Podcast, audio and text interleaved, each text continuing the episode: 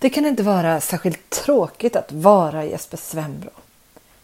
För en klassisk filolog måste allt vara meningsfullt. Hela världen består av tecken och livsuppgiften är att försöka förstå hur de hänger samman.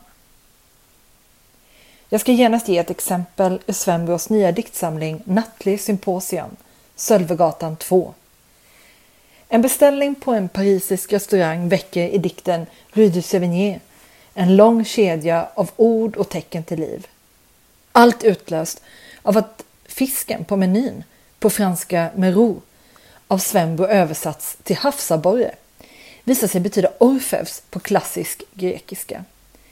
Diktjagets sällskap, en av makarna prins Paulsson, låter sig inte övertygas. Han är en litteraturvetare av den mer kritiskt sinnade typen. Citat. Göran muttrar ungefär sakta i backarna och är inte omgående beredd att sätta tro till mina galenskaper men kan tänka sig att pröva just denna fiskrätt. Slutcitat. De två skåningarna i Paris beställde in var sin havsabborre. Vad Ulla Prins Paulsson valde från menyn var inte lika minnesvärt. De delar på en flaska Pouilly Fuissé och sen får filologen tillfälle att lägga ut texten om Orfeus som hermafroditisk fisk och den manliga modernistiska diktaren som en liten flicka med blått parasoll. Det var säkert en underbar kväll. Rue de Sévigné fångar brottstycken av samtalet som tränger igenom larmet på den parisiska restaurangen. Men vad handlar dikten om? Litteraturvetare och litteraturkritiker framhäver ofta att Svenbros dikter kommenterar sig själva, sitt eget väsen och sin egen tillblivelse. Svenbros dikt är metapoetisk. Rue du Sévigné beskriver alltså inte bara en kväll i gott sällskap utan kan också sägas handla om hur dikten skrivs. I det här fallet är det den lilla fisken havsabborre som sätter igång det meningsskapande systembyggande som dikten är hos Svenbro. Denna poetiska teknik är så inflätad i berättelsen om Svenbros liv att man ibland förlorar den ur sikte. Det gäller i högsta grad för Nattlig symposion Sölvegatan 2 som i sin mest avskalade form kan beskrivas som ett långt intellektuellt liv återberättat genom en samling dikter. Precis som i dikten Rue du Sévigné är det adressen i Lund, den lika mytiska Sölvegatan 2 och allt den adressen betecknar av ursprung och ingång i den akademiska världen som är diktsamlingens centrum och hjärta. Inte den intellektuella världens metropol, det Sorbonne i Paris som har varit Svenbros akademiska hemvist sedan 1970-talet. Adressen till dåvarande klassiska institutionens byggnad, även kallad Klassikum, är verkligen en metonymi för det som kännetecknar filologen och poeten Svenbros skrivande. Den enskilda människans, forskarens, möjliga förbindelse med historien och världen genom kunskap. Som alltid hos Svenbro är tidinramningen porös. Nutiden släpper igenom minnen av andra tidsperioder. Bland dem studierna i Lund, Yale, Paris och resor till en mängd platser i Grekland. Nattlig symposion Sölvegatan 2 består av tre delar. Farmakeia, Orfisk reträtt och negationer. I Farmakeia rör sig diktarna runt en motivkrets om minne och minnets teknologi. Citat. Skriften ett gift som sätter minnet ur spel. Slutcitat. Som det står i dikten Amanianus Marcellinus. I en annan dikt, Självporträtt i en väninnas öga, tidigt 60-tal, kallar diktjaget på den döda väninnan genom årtiondena. Dikten Cut Up ropar citat textkritiken ett äventyr slutcitat innan den beskriver en resa mellan den gudsförgätna hamnen Pireus och Iraklion tillsammans med Lars Håkan Svensson i de tidiga 20 åren. Till detta minne fogas en uppklippt dikt av Bakulides, den sista betydande representanten för den pompösa, i stränga former bundna curlyriken. I den här första avdelningen påminner läsningen ofta om att lyssna på en riktigt bra föreläsning.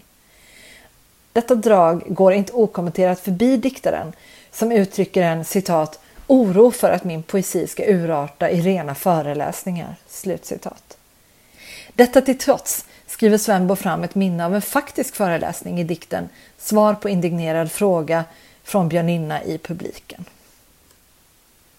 I den andra delen, Orfisk reträtt, finns dikter om de nyfunna Sappho-fragmenten. En dikt om Göran Palms sura kommentar till Ragnar Svenssons dikt Sappho och så dikten Rue de Sevigné om fisken Orfeus. Negationer, den avslutande delen, innehåller en rad dikter tillägnade familjemedlemmar, vänner och kollegor. Hur jag än vrider och vänder på det så är det oklart för mig vad det är som negeras. Jag är inte heller säker på om jag tycker att den orfiske diktaren verkligen är på reträtt i föregående avdelning. Det känns som om föreläsaren har ställt mig en fråga på vilken jag hade kunnat ge ett korrekt svar om jag bara hade varit lite mer påläst. Samtidigt vet jag att föreläsaren, poeten, alltid kommer ha det kunskapsmässiga övertaget över min tolkning. Hur skapas den här känslan av föreläsning som sluter dikterna om sig själva i ett odiskutabelt system? För att försöka svara på den frågan ska jag pröva att frilägga diktens uppbyggnad. Först en brasklapp. Naturligtvis finns det avvikelser från det här mönstret. Jag ska återkomma till dem mot slutet. Det finns en särskild ansats i Sambos dikter, ett tilltal som gör att man genom anekdotisk berättarteknik snärjs in i diktens värld.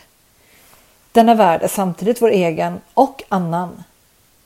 Så här låter det i diktsamlingens första dikt, Orateia.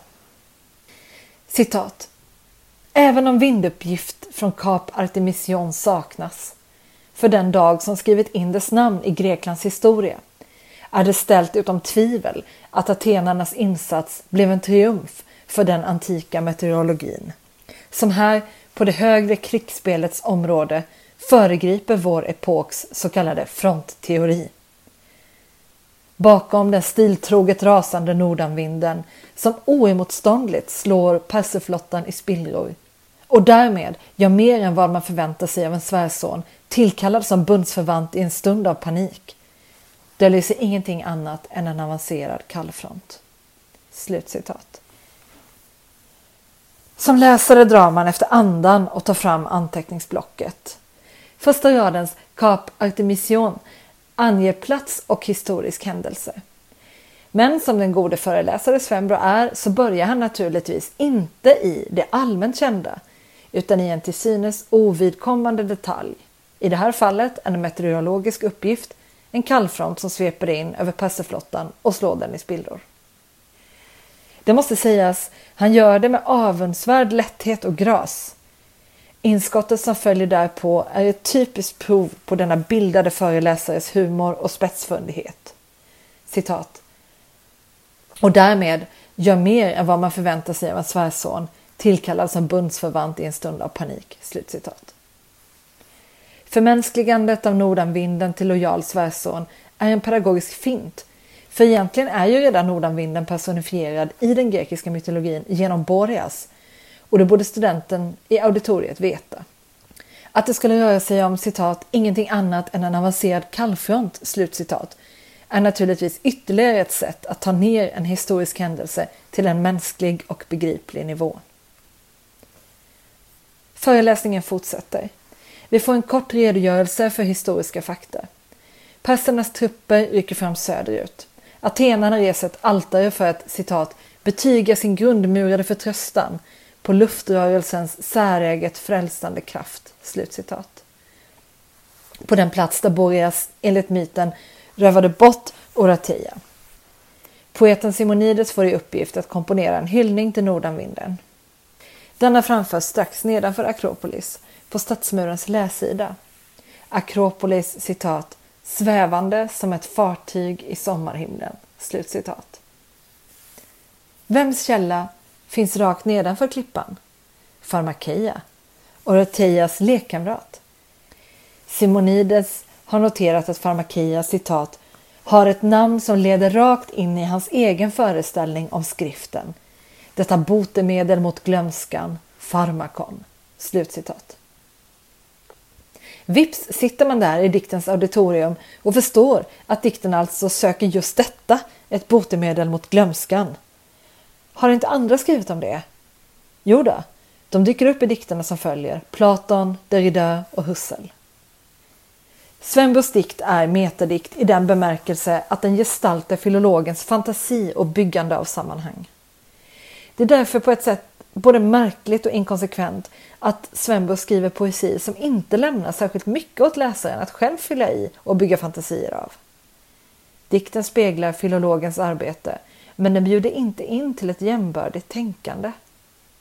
Han visar generöst på systemet men han sluter det också.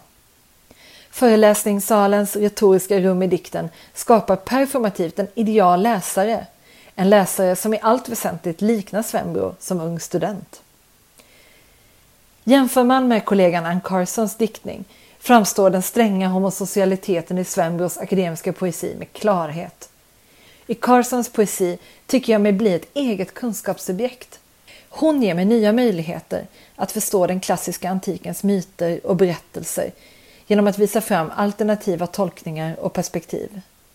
I Svenbros dikt tar föreläsarens systematisering och teckentolkande över. Tänk om han istället hade visat upp mer av den förälskade filologens blick. Han som tappar koncepterna och inleder en dikt med för helvete när han ska beskriva den euforiska upplevelsen av att få läsa fem helt nyfunna strofer av Sappho.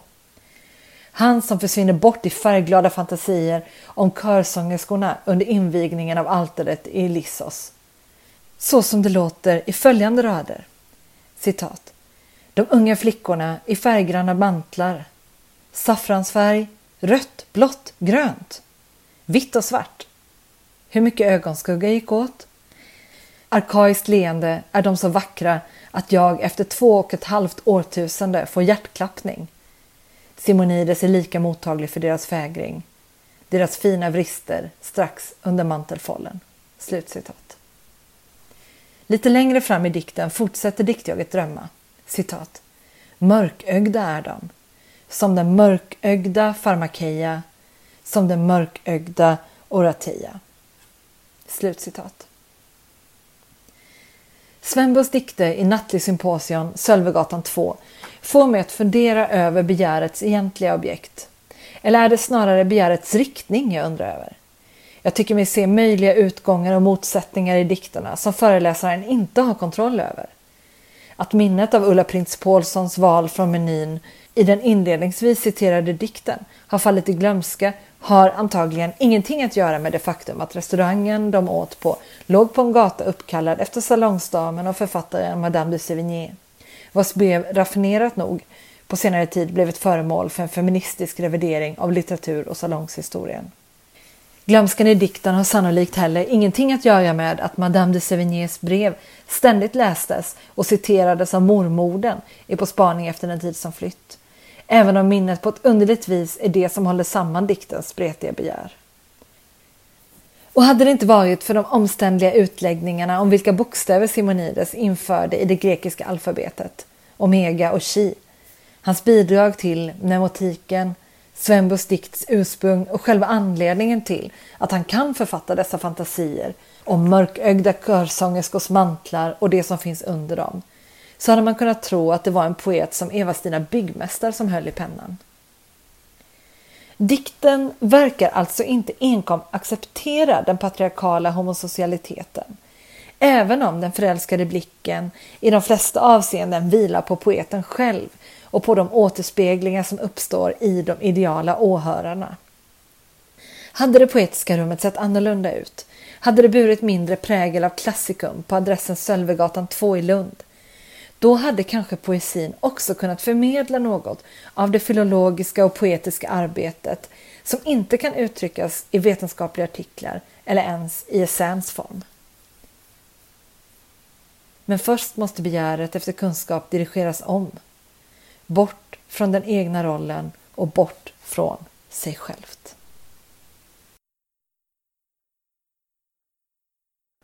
Den här recensionen är originalpublicerad på www.ornenochkrakan.se under ansvarigt utgivarskap.